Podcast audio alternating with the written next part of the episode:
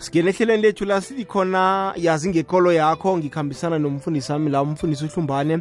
Sithe akhe sitshetshe indaba enkulukazi lana kuthiwa umuntu wamukele eh usomnini njengenkosi nomsindisi.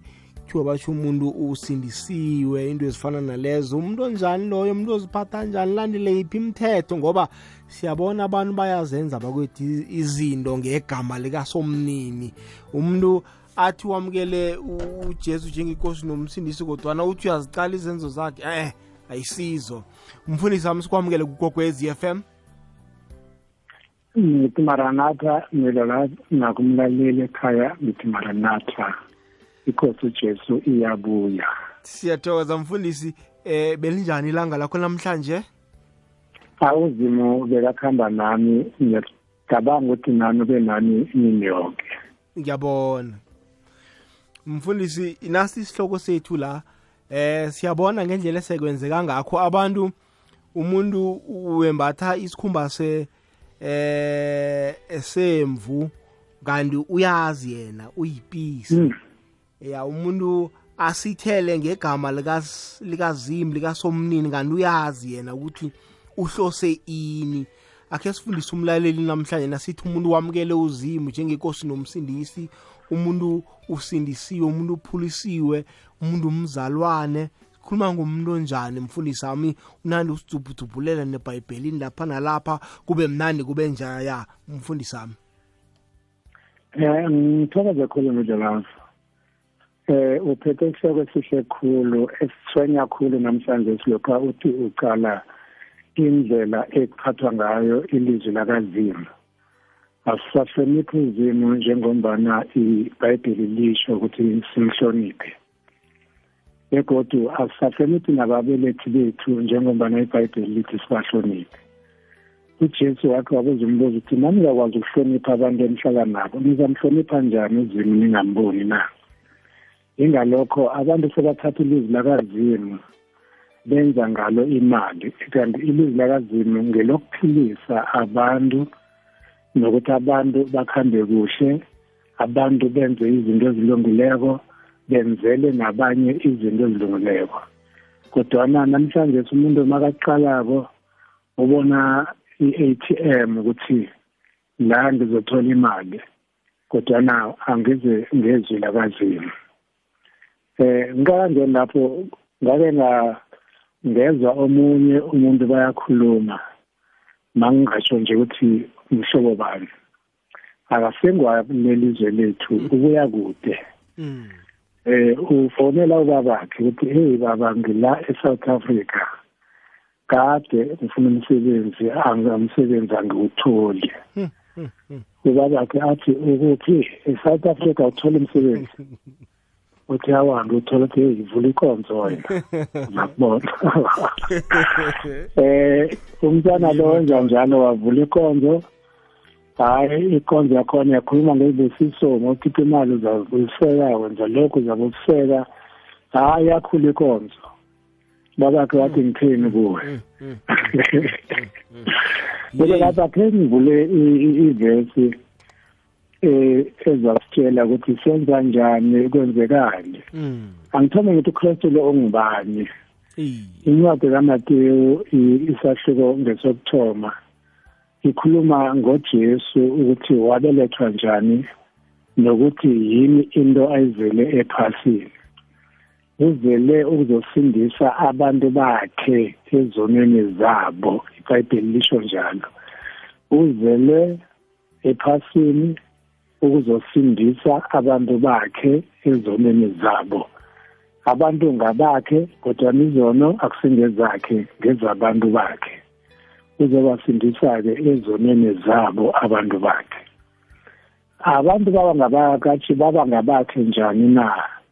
Ngombana ithi ibhayibheli lokha ufunda incwadi yezaka 8 yonke incwadi yezaka ngujesu okhuluma kwathi mina ngabelethwa ngathunywa ngubaba yonke into gabe endiyeni ubaba yenzako kade ngikhona makabumba iphasi bengikhona ngangenguye osebenza nobaba.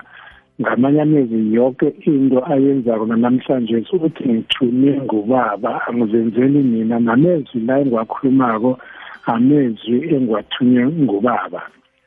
Ngalokho-ke wonke umuntu makezwa ilizwi lakazimu kanti usezonweni uyabokhona ukubona ukuthi into engiyenzako le ayikalungi. Into engiyikhulumako akusingiyo. Into indlela engikhamba ngayo akusingiyo. Yonke into uyayibona ngoba sewuzwe ilizwi lakazimu elimtshelayo ukuthi akhulume njani akhambe njani enzeni adle ini angadli ini. Uyabuya-ke wamukela ujesu. Athi angamukela ujesu enze njengombana izwi likazimu likhuluma. Hhayi njengombana abantu bakhuluma. Nasi ivesi engizathoma ngayo incwadi yabasekorinte besibili indinyana indima ngiyesihlanu indinyana ngiyeshumi nekhomba. Ithi yona eh First Corinthians chapter 5 verse 6 17 mangifunda lana ithi njeke umuntu ofele akuKristu sewunesibu sewuse sembusweni isimele esitsha.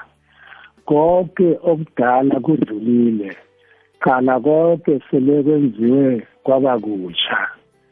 Umuntu masele akuKristu uyisibumba usibumbiwa esitsha. Into mawuthi uyayibumba kufana nento oyithoma phasi. Yabona imodoro lokho utshayisiwe wayenziwa kodwana masewushayisiwe bayawupenelbhitha kodwana la ibhayibheli lithi ujesu akapenelbhithi umuntu uyambumba kutsha kuleya mpilo umuntu kade ayiphila uyambumba ambuyisele empilweni yakade lapho bekakade anganasono angathukani angebi angenzi zonke izinto ezimbi kuba yileso sibumbiwa esitsha. Lokho usibumbiwa usibumbiwa esitsha namkha ungumuntu omutsha udalwe kabutsha awenzi izinto zakade ngombana udalwe kabutsha kufana nomntwana osanda kubelethwa yonke into akaye akakwazi ukwenza into embi. Unamathele kumzali wakhe ngumzali omenzela yonke into ithemba lakhe lonke likumzali. Yonke into makayifunako uqala umzali umzali amenzele. Uyalila umzali amthulise ulandile umzali amuphe ukudla. Konke ithemba lakhe ibeka lonke emzalini wakhe. Umuntu okuKristu unjalo-ke. Ithemba lakhe uyazisusa ezintweni uyazisusa ebantwini alibeke kuKristu ngombana yonke into uyenzelwa nguKristu. Uthatha lonke ithemba lakhe yonke into yakhe ayinikele kuKristu kube nguKristu omenzela izinto.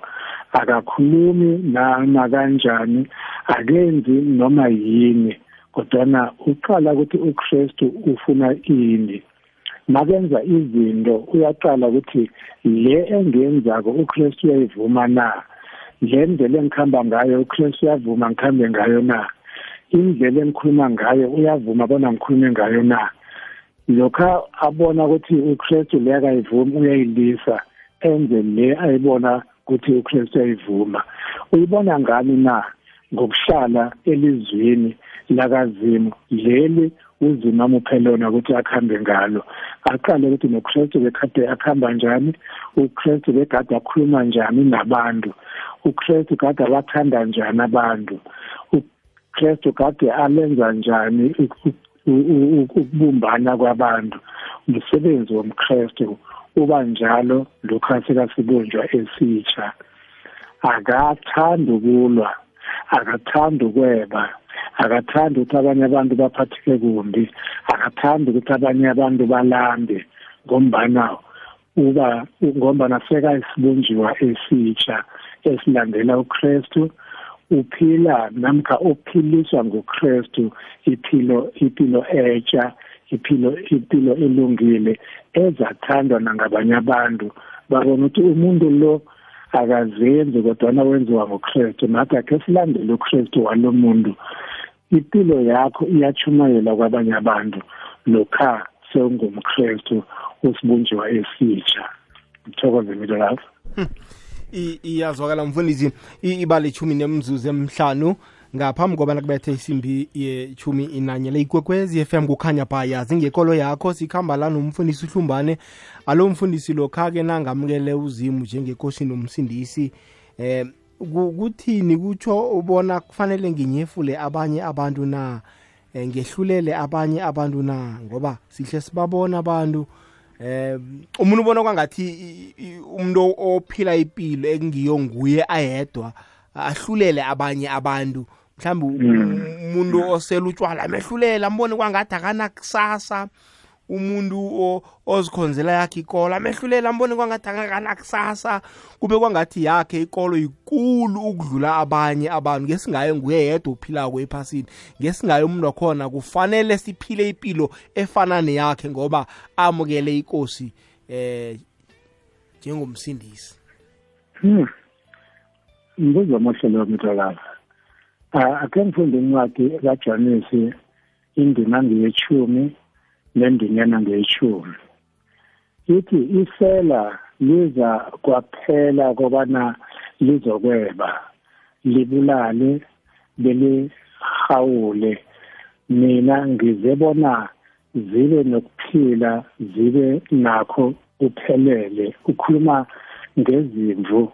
Ngamanye amezwi abantu bakhe ubafanisa nezimvu zakhe ezekizona uthi kodwana njengobana eze ezimvini zakhe uze ukuthi zibe nokuphila and ukuphila okupheleleko. uJesu uJesu lo azange ahlulele umuntu makafike ephasini. Uze uyakhuluma athi ningahluleli abantu. Ngathana uJesu bekade azele ukwahlulela bengekhe ayosifela esiphambanweni kodwana uze ukuthi labantu abalimeleko labantu ababhalelwako abaselutshwala abebako abenza zonke izinto ezimbi babuyele kuye. Umuntu mawufuna akhambe nawe awumehluleli kodwana umbonisa indlela ukuthi cala nasi indlela akhuzama ukhambe ngalendlela engikhamba ngayo. Ubone ukuthi le ebhalelako angeke iphele na? Ngombana uyibona le ikusekutheni le ikwenza ungathabi kuhle ikwenza nabantu bangakuthabeli. Akhuzame le uJesu asipha yona sikhambisane ubone ukuthi angeke kube nomehluko. Mawenza lokho awuhluleli ubonisa umuntu indlela ehle efanele akhambe ngayo. Ngombana iBhayibheli lithi sonke sonile. Akekho umuntu olungileko akekho noyedwa du kodwana sonke sonile phambi kwazimu sisalelwe sisale sisilalelwe mumusa kazimo ngamanye amezwi sithoka umusa kazimo sonke. Umusa uza kunjani na? Uza ngokuthi uzimo usibekele umthetho ekufanele siphile ngawo. Umthetho mawusibhalela umusa uyangena lapho. Umusa ungena lokho awuthi la zimo ngibhalele ngibawa ungibabalele akwenzele umusa-ke akubabalele ngombana begade ubhalele. Sewuyaba umuntu olungileko ngombana ubawe ukubabalelwa nguzimu. Awuhluleli bantu abantu abawileko kuwena kumsebenzi wakho ukuthi ubavuse yingalokho midolavu kunabafundisi. Umfundisi uJesu umthume ukuthi ayelusa izimvu. Angeke lokho ulusa izimvu uzigade ngamatshe uloku uzibetha zilimala. Kodwana lokho ayilimeleko uyayithwala uzame ukuthi uyipholisa la ilimele khona. Konke okwenzako wenza ukuthi leyo mvu iphole izokhamba kuhle njengezinye izophila kuhle njengezinye. Umfundisi umsebenzi wakhe yiloyo. Nomuntu onguwo wamukele uKristu umfundisi umfundisa ukuthi enze lowo msebenzi. Ingakho kuthiwa kunabavangeli. Abavangeli benza umsebenzi owenziwa ngumfundisi bakhambe bashumeza abantu. Awubalimazi-ke abantu ubatshele ngezono zabo nokuthi bazobhujiswa bazokwenzani.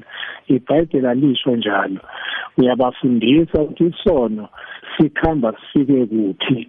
Umuntu simdosa simdosele ekuseni kuze kufike la. Ukhuluma naye kuhle umbonisa indlela nokuthi uza njani kuKristu usishiya njani isono? Ngubani okwenza ushiya isono? Ngombana nguKristu kwaphela okwazi ukukususa esoneni. Awuzi kuKristu ngombana wena awusanasono. Uza kuKristu nezono zakho. Incwadi kaMateyu incwadi yamateyu 11 ivesi ka-28 uthi ujesu izani kimi mina nonke enidiniweko mina ngizaniphumuza lokho athi zani kimi nonke ngamanye amezwi badinwe yizono zabo badinwe umthako wephasi. Badinwe ukuthuka ngabantu badinwe ukuhlulelwa ngabantu. Izani kujesu ongahluleliko yena uzamphumuza lokho asofika kujesu ukufundisa indlela ehle yokuphila indlela ehle yokuphila nabanye abantu indlela ehle yokukhuluma nabanye abantu ababhalelwako abawileko. Wena bavusa njani abantu abawileko?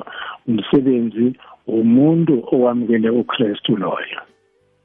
Iyazwakala mfundisi. Iba lichumi imzuzu ngaphambi kobana kubethe isimbi yechumi nanye ikwekwezi FM kukhanya pha. Ayike mlaleli-ke nawe-ke singakuvaleli ngaphandle ngena-ke uhlanganyele nathi ekulumeni yethu emnandi kangaka yomuntu owamukele ikosi nomsindisi bona uziphatha njani? Hlangana nabantu 079 413 2172 079 413 2172 sithumelela i-whatsapp voice note lapho sizoyidlala. Namkhadosa umtato ku-086 3003278 086 nabo 0 abayi-3 3278 nawenze bunjalo uzokuzwakala bunqopha emhathweni ikwekwezi FM ke sibonibonisane ngendaba esiyiphetheko. yo ngwenyama umakhosoke wesibili umema isitshaba sonke emnyanyeni wakho bemnyaka wabomjekejeke sikumzo sengwenyama usilamba ongengangane nephandeni lomkhondo uyahlala. Ayende ngomgqibelo amalanga kuntaka umnyanya uyokuhlanganyelwa makhosi wezizwe abarholi bembusweni nebomphakathi. Kugidwe igido lesintu inkulumo yelanga yethulwe indlovenduna ingwenyama umakhosoke kambhoko ikwekwecfm izabe iphelele lapho ukuhlanganyela nesigodlo nesitshaba ukugidinga iminyaka emashumi amane yomrhatsho ngkomjekejeke ungasali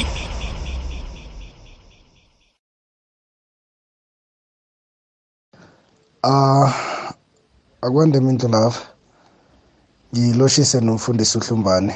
Ngithi Maranatha mfundisi.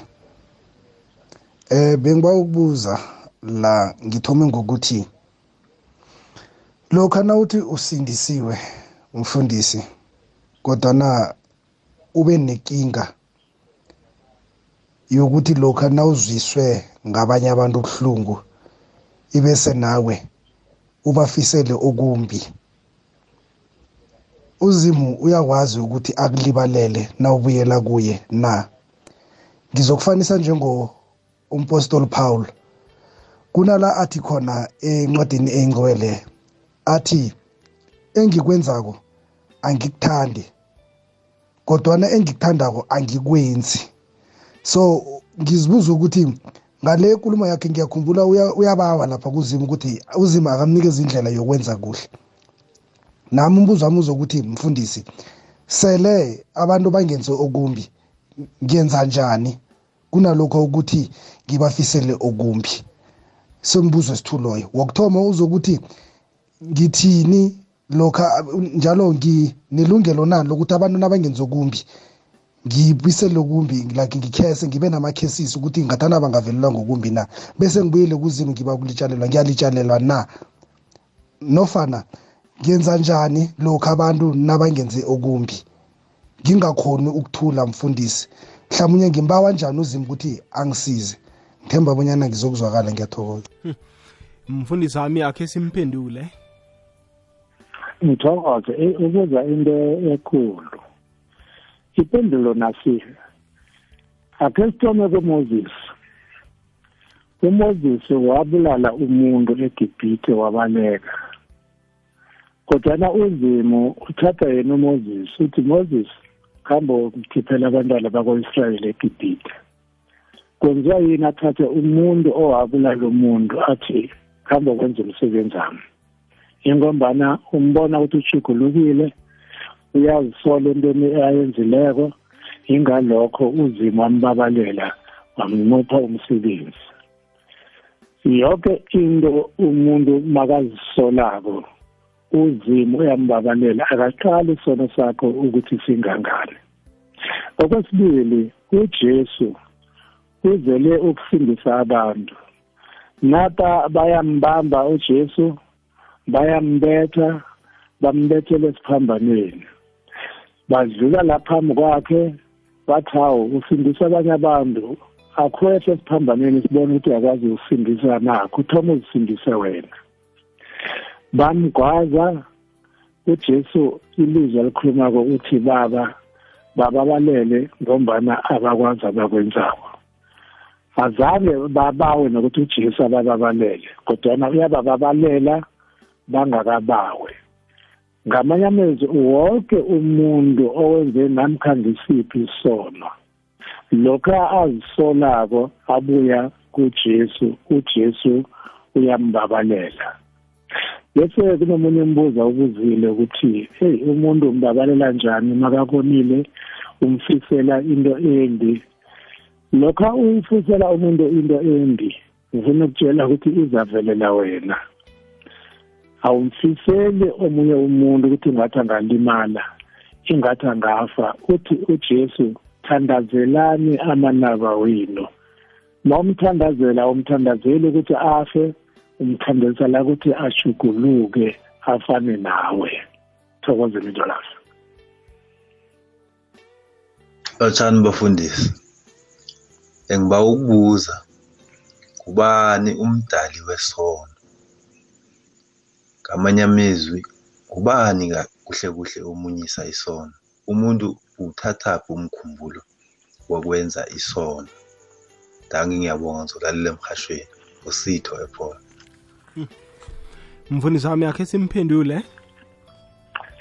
Incwadi kajanesi isahloko sika-8 ivesi yaka-44 ujesu uthi kulaba abafuna kade kubafarisi bafuna ukumbulala.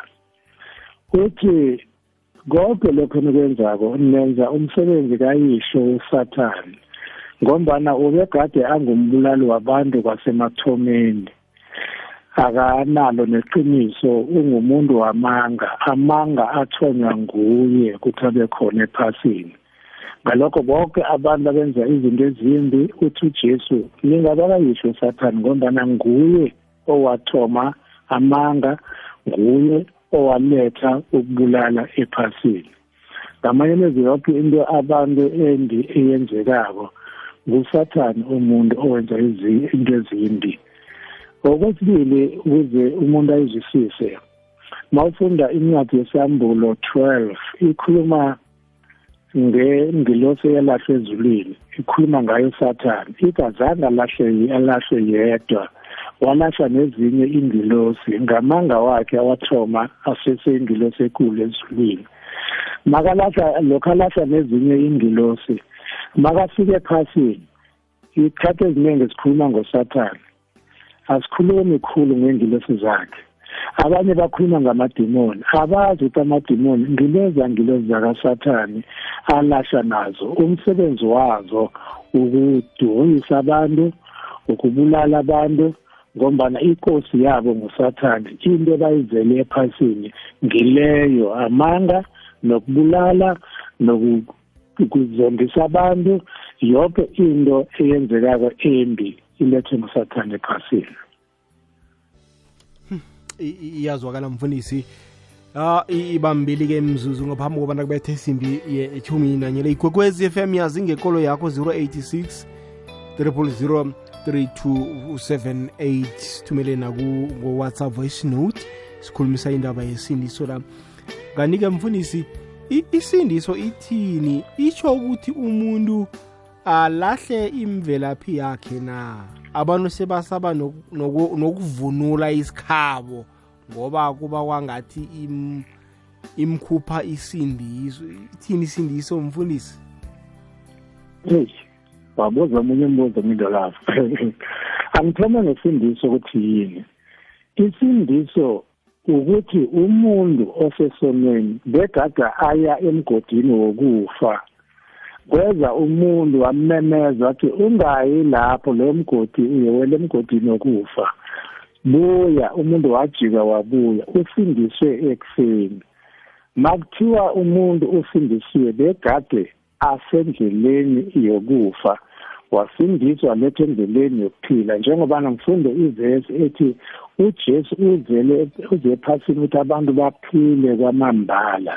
Baphila ngombana ubasindisa ezonweni ebegade zibasa ekuseni.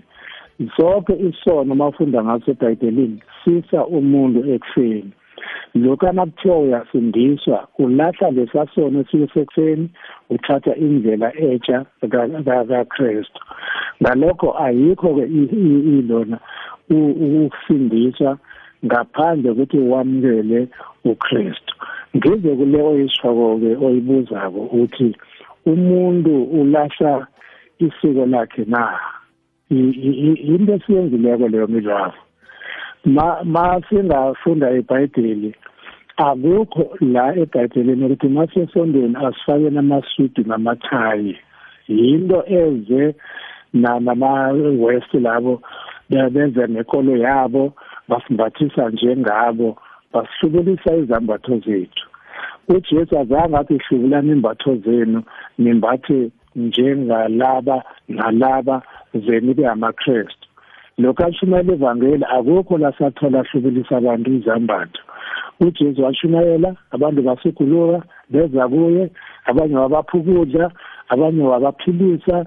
Konke lokho azange akhulume ngekuthi mabahluke izambatho bambathe nje mabazekhonzweni ukuza ngembatho zesiko lakho kuthi nimbatha nje uyeze ekonzweni ngomthetho kanzima. Kodwana ingakho uJesu wathi nilise isiko lani nathatha isiko labantu.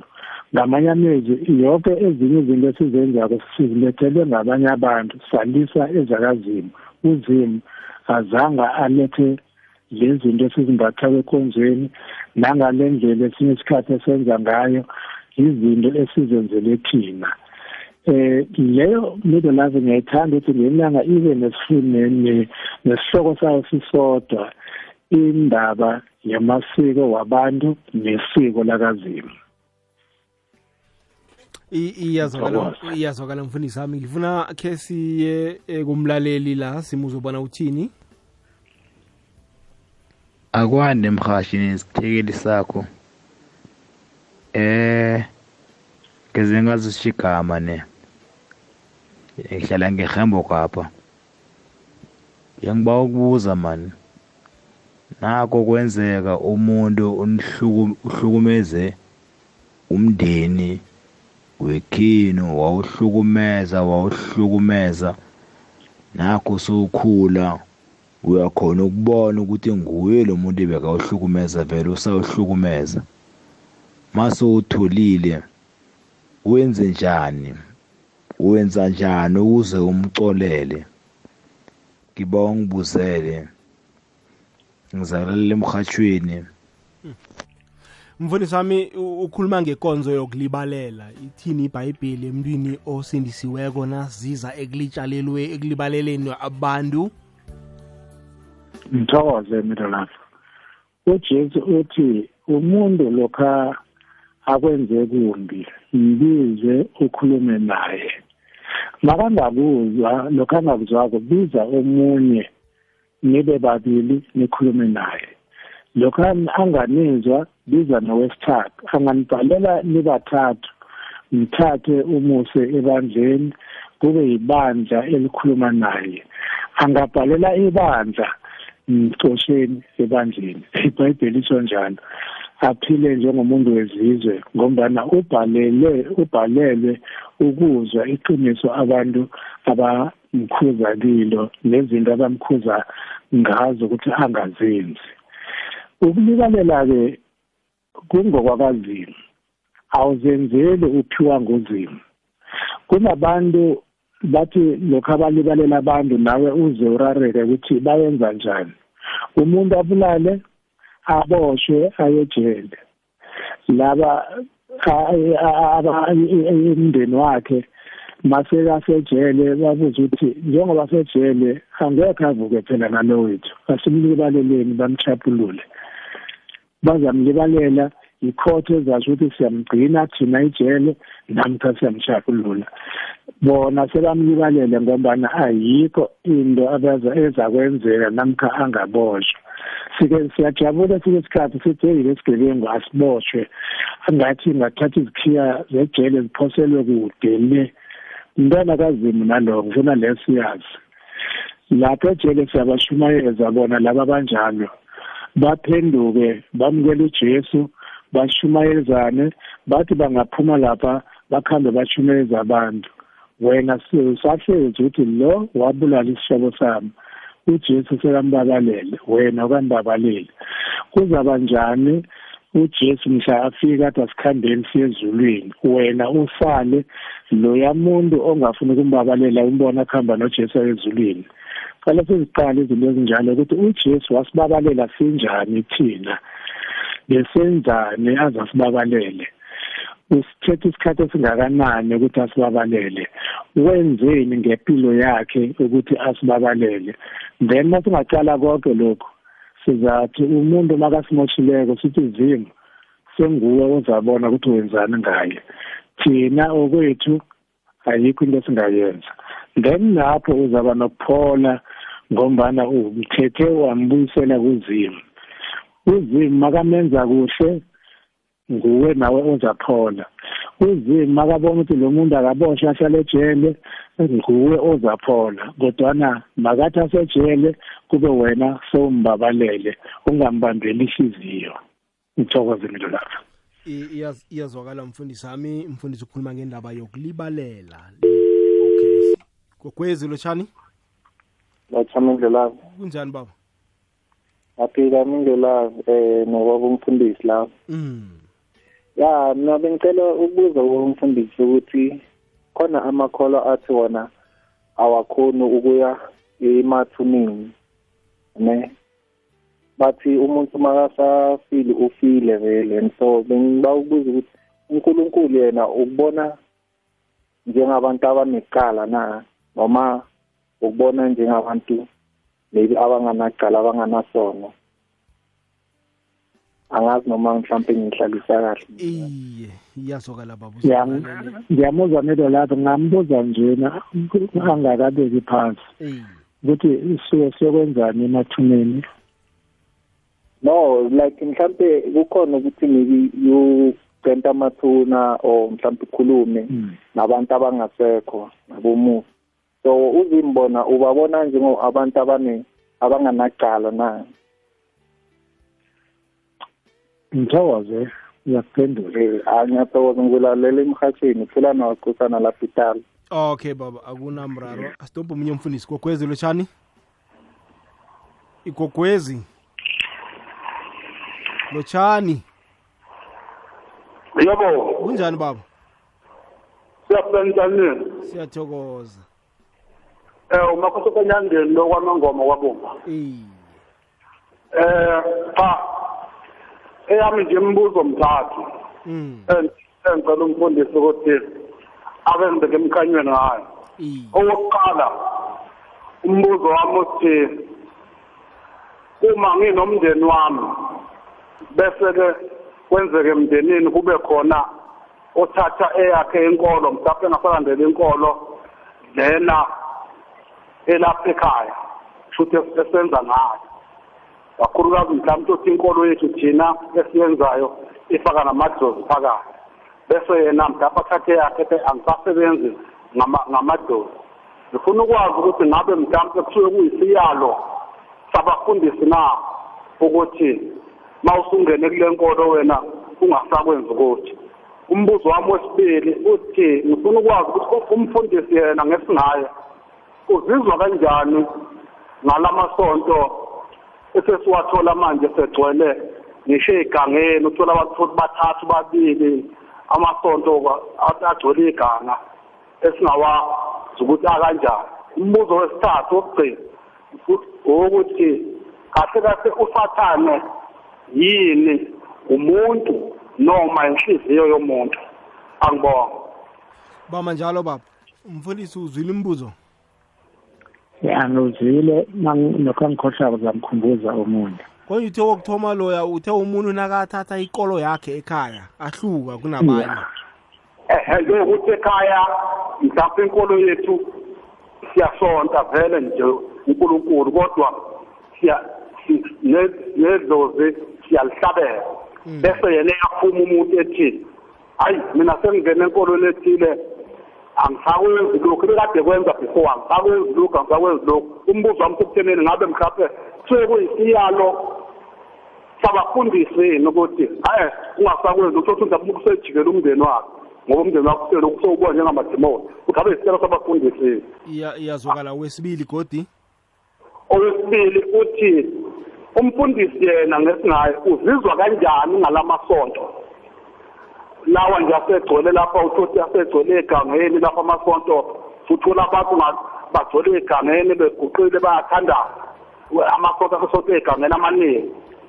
Bese wesithathu umbuzo uthi ngabe usathane umuntu noma inhliziyo yomuntu? Alright baba siyathokoza. Ngiyabonga akhe simphendule mfundisi wami. Eh ngizwile. Angithome ngalo yami labo obuze ngendaba zamathuna. Ukuthi kuye emathuneni ku-right namkha akusi-right. Eh ibhayibheli elingasitshela lokho. Ngibawa ukuthi mhlawumbe lokhu asiceda la athole inamba yami sikhulume mina naye ngimupha amavesi ezasitshela ukuthi kwenzekani lapho. Then ngize kubaba akhuluma ngenye ikolo. Kulenye ikolo ngibawa ukufunda incwadi baseroma 14 eh ivesi yeshumi nambili.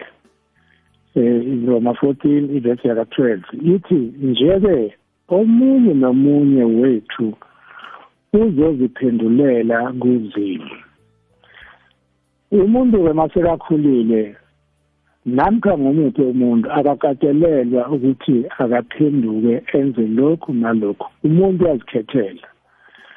Umuntu uyafundiswa asakhule ekhaya.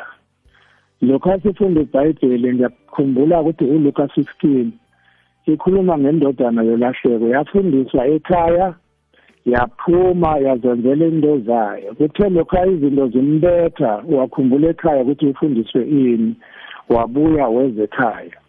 Wonke umuntu-ke ofundisiweko uzayenza into ayifundisiweko. Kodwana masekafika ekukhuleni azikhethela ayeza ezwini lakazimu ngilona elisiphethe sonke ilizwe lakazimu. Lapho uzimu uthi umuntu uyazikhethela begodwa athi ayisibo bonke abathi inkosi inkosi kini abayawubona umbuso wezulu. Ngilabo kwaphela abenza intando kazimu yini intando kazimu lithi ibhayibheli ugcina imiyalo yakhe. Ngalokho bonke abazokwenza into esebhayibhelini bahloniphe ababelethi benze into abayifundisiweko ngombana ababelethi into kufanele bayenze bangakhohlwa ukufundisa abantu ilizwi lakazimu. Singafuni ukubafundisa amasiko kwaphela kodwa singabafundisi ilizwi lakazimu. Konke okusezweni ngilokho uzimo afuna sikhambe ngakho. Umuntu makazikhethela-ke akekho noyedwa ofanele amkatelele. Ngisho kumntwanakho nakathi sengithethe ukwenza nje sengikhulile sengenza nje awukwazi ukumkatelela uzikhethele. Yena into leyo maseyimrara nguye oza kubuya kuwo athe eh wangitshela kodwana ngibhalele. Ngiyabona ukuthi angikuye ngenze okungikho. Umbuzo wesithathu yithi usathane mumuntu or ihliziyo yomuntu namkha yini? Ibhayibheli alisitsheli ukuthi usathane ihliziyo yomuntu kodwana usathane ungena ehliziyweni yomuntu akwenzise izinto engasingizo ibhayibheli lisitshela kuhle ukuthi yingilosi enkulu ezulwini yayibizwa ukuthi ngulusifa ngiyo eyathoma ukukhohlisa ezinye ingilosi ithe ingakhohlisa ngilokho ayiqothwa ezulwini yaphiwa amabizo amane kwathiwa ngusathane inyoka endala noma inyoka yakade umkhohlisi nomhleki. Uphiwe lawo magama lokho asekaqothwa ezulwini. Umuntu ebekade aphila ezulwini namkha yingilosi ebekade iphila ezulwini yaqothelwa ephasini nezinye ingilosi masikhuluma ngosathane asikhulumi ngehliziyo yomuntu kodwana usathane ukhohlisa ihliziyo yomuntu. Ngithokoze mntolami iyazwakala mfundisi wami iyazwakala iba lichumi lemzemine ngemva kwesimbi yechumi nanye. Sizoyivala ngasikunini akhe sithathe umlaleli nangu lamsinyazana eh sanibonani ekwekwezini. Ebengicela ukubuza lapho umfundisi angizwisisi lapho nxa ekhuluma ngendaba zamasiko. Bengicela ukuthi ayicacise kahle ngicela ukuyizwa kahle. Kutsho ukuthi kahle kahle kulungile ukuthi uhlanganise amasiko lesonto. Angizwisisi kahle khona lapho ngicela ukuyizwisisa. Umfundisi wami? Ngithokoza. Ibhayibheli uzimu unamasiko wakhe. Isiko lakazimu ukuhlonipha ababelethi ukuhlonipha uzimu ukulalela izwi lakazimu. Ababelethi mabenza isiko labo ngelabo uzimu akazongena lapho lokho ingabhala ingakabhalwa ezwini lakhe.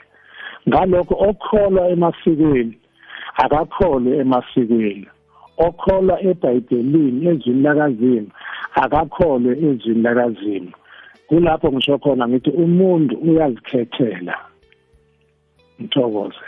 Iyazwakala mfundisi khe sizwe omunye la. Gogwezi lotshani? Akwande, njani? ninja sikhona njani mama?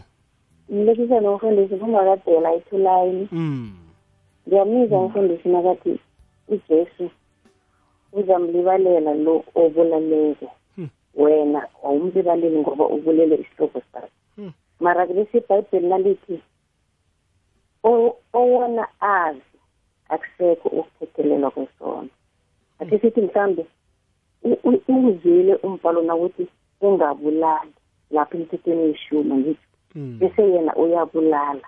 Mara owona azi ibhayibheli lithini ubufundisi uthi ujesu uzamthethelela bese abonakala adlula naye wena solo ubambe idrakiso ukuthi ubulele umnganakho or isihlobo sakho.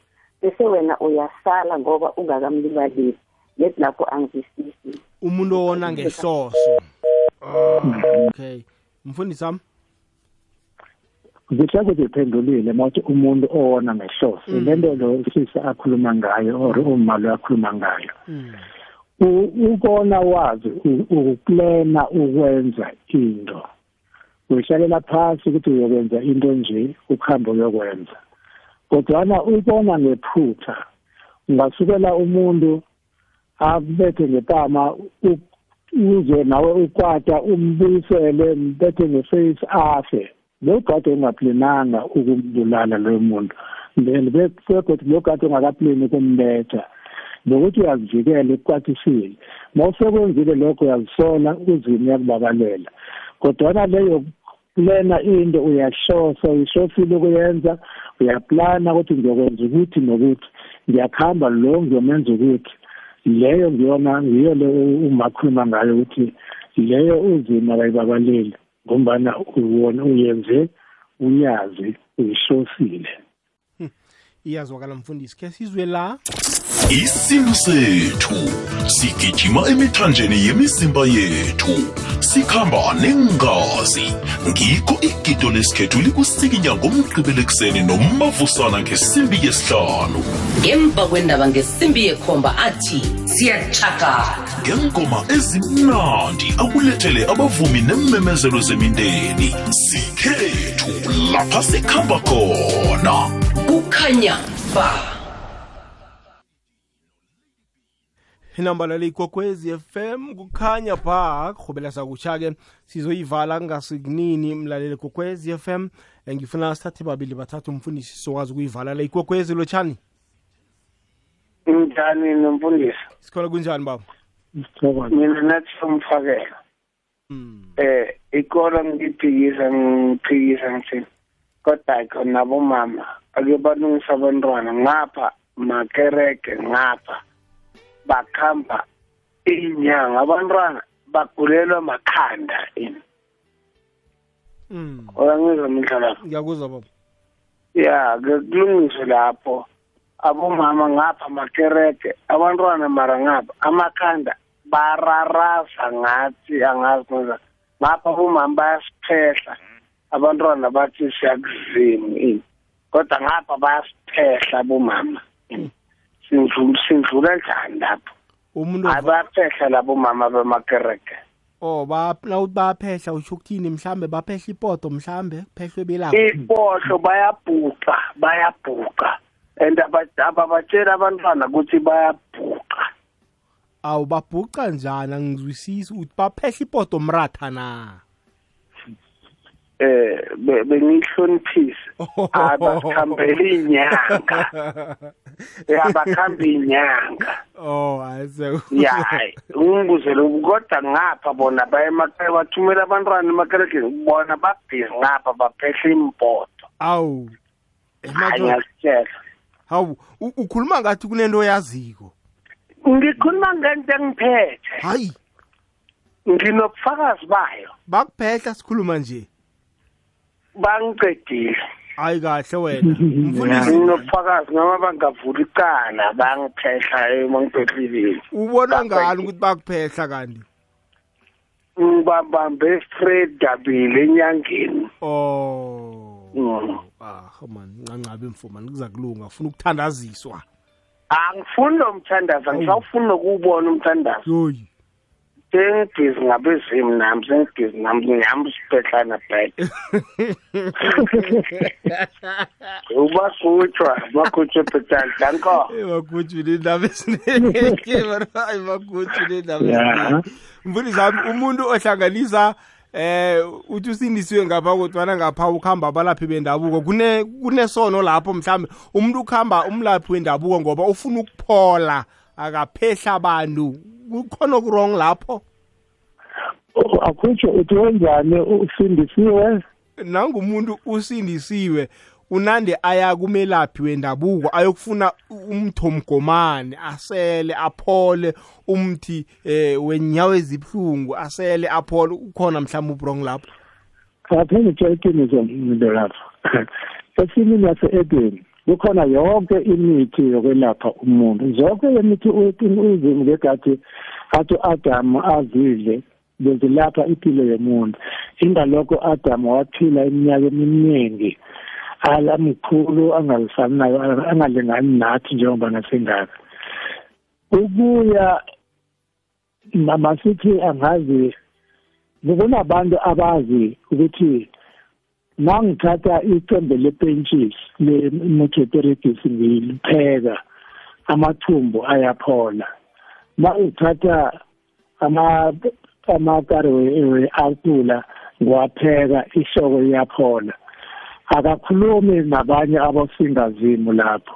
Uwazi ukuthi le iyapholisa nale ibhayibheli iyayivuma ngawavula wonke amavesi wakhona incwadi nesambulo ize ithi sizadla umuthi namkha sizadla iy'thelo sidle nomuthi namakari wakhona ngombana amakari ngawokuphilisa iy'ntshaba zonke namkha izizwe zonke kodwana kunomehluko kuleyo ukuthi siyithola kubosingazimu namkha umuntu uyayifundela leyo nto na. Kuyazwakala mfundisi wami. Ndemindlo lafu nomlalelo kwez f m nomfundisi.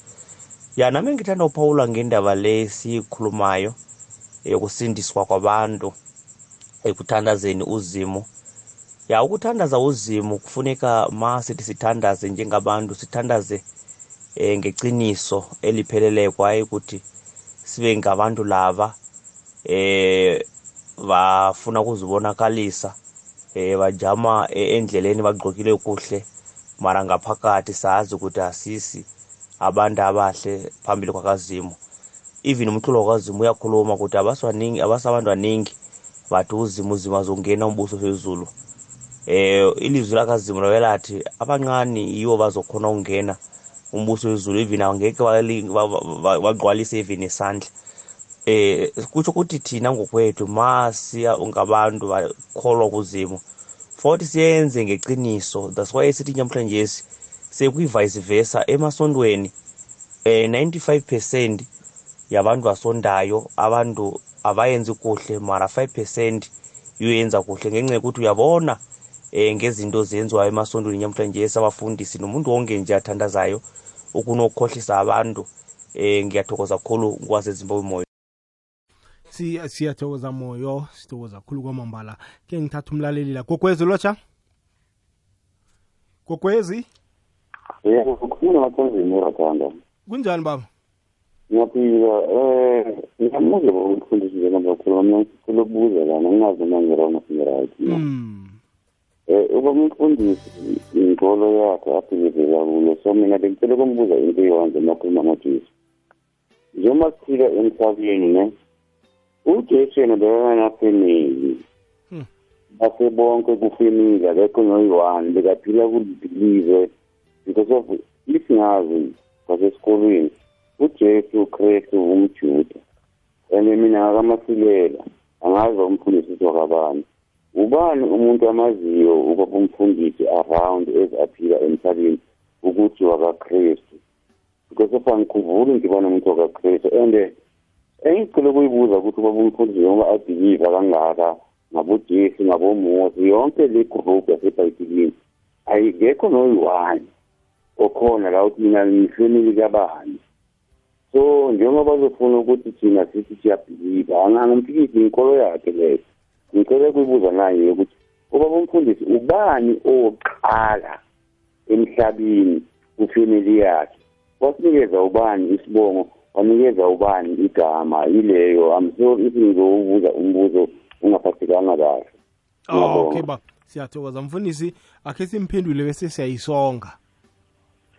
Ngithokoze. Ujesu ubegade anayo ifemili ubegade ano anoma anobaba. Emva kwakajesu kunabafowabo ebazalwa ngumariya. Ingalokho ngelanga athi ashumayela ebhayibheli asepulpitini ashumayela kwafika umuntu athi jesu umakho nabafowenu bafuna bakubiza la ngaphandle bafuna ukukhuluma nawe. Wabuza umbuzo ujesu ukuthi ubani uma nabafowethu na? Bakhona bangaphandle. Wathi ujesu lalelani uma nabafowethu ngilaba engibashumayezako. Bonke abantu abenza intando kazimu abafowethu nabodadewethu. Ngalokho lokhana owamukela ujesu ngumfowabo ngudadewabo. Ujesu unomndeni. Umbuzo wesibili utheni konje? Ngileyo ukuthi ngubani umuntu wokuthoma? Umuntu wokuthoma ibhayibheli lithi u-adamu nguye umuntu wabakhona ephasini. Nguye ubaba wethu sonke no-efa ongumma wethu sonke nami ngangumkhulu wethu ngogogo wethu. Ngombana ngibo abokuthoma uzimu wathi zalanani nizalise iphasi.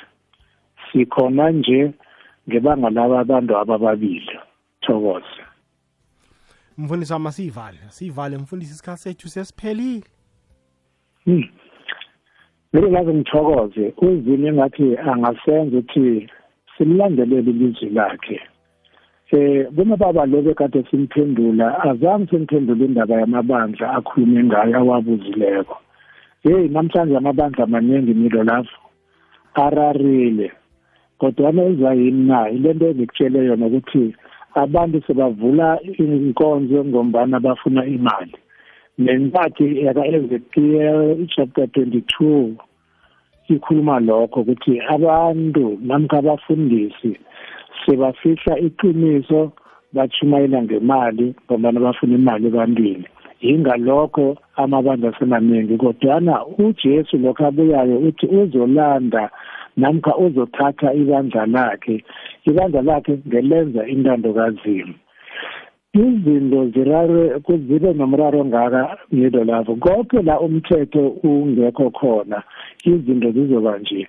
Kodwana uzima wabeka umthetho wakhe wathi umthetho eyishumi nasi nginipha yona fundisani nabantwana benu ekuseni emini namkhabalala ngathana sahlala kulo mthetho kazimu umraro esinawo lo ngaba wukho. Sinomraro ngombana sisoke nabafundisi silahle umthetho kazimu. Sengathi singabuyela emthethweni kazimu impilo sizoba nayo. Uzima abe nawe mlaleli ngithi maranatha. Ngakuthembisa milo lavo ngathi ngizakunikeza ivesi ethi maranatha. Ikuko korinte bokuthoma ivesi leshumi indimana ngeshumi nesithandathu ivesi lamashumi amabili nambili. First corinthians chapter sixteen verse twenty-two.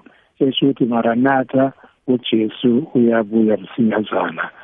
Babe nami nabalaleli ngithokoze okay umfundisi uthe first corinthe chapter 16 chapter 16 verse 22 verse 22 yeah. hayi imfundiso hambani ngithokozile ukuba nawe namhlanje. Sithokoze nje ngokusibeka emkhanyeni ngwento eziningi ebesiziphetheko namhlanje nangokuza kokuthi kuza kuba njalo. Siyathokoza mfundisi ubuthongo abube mnandi ngithokoze khulu nakubalalela abangenileko uzima ababusise ubuthongo bube kuhle kibo nakuwe nomndeni wakho ngithokoze sithokozile sithokozile mfundisi mfundisi hlumbane sikhuluma ngendaba esindiso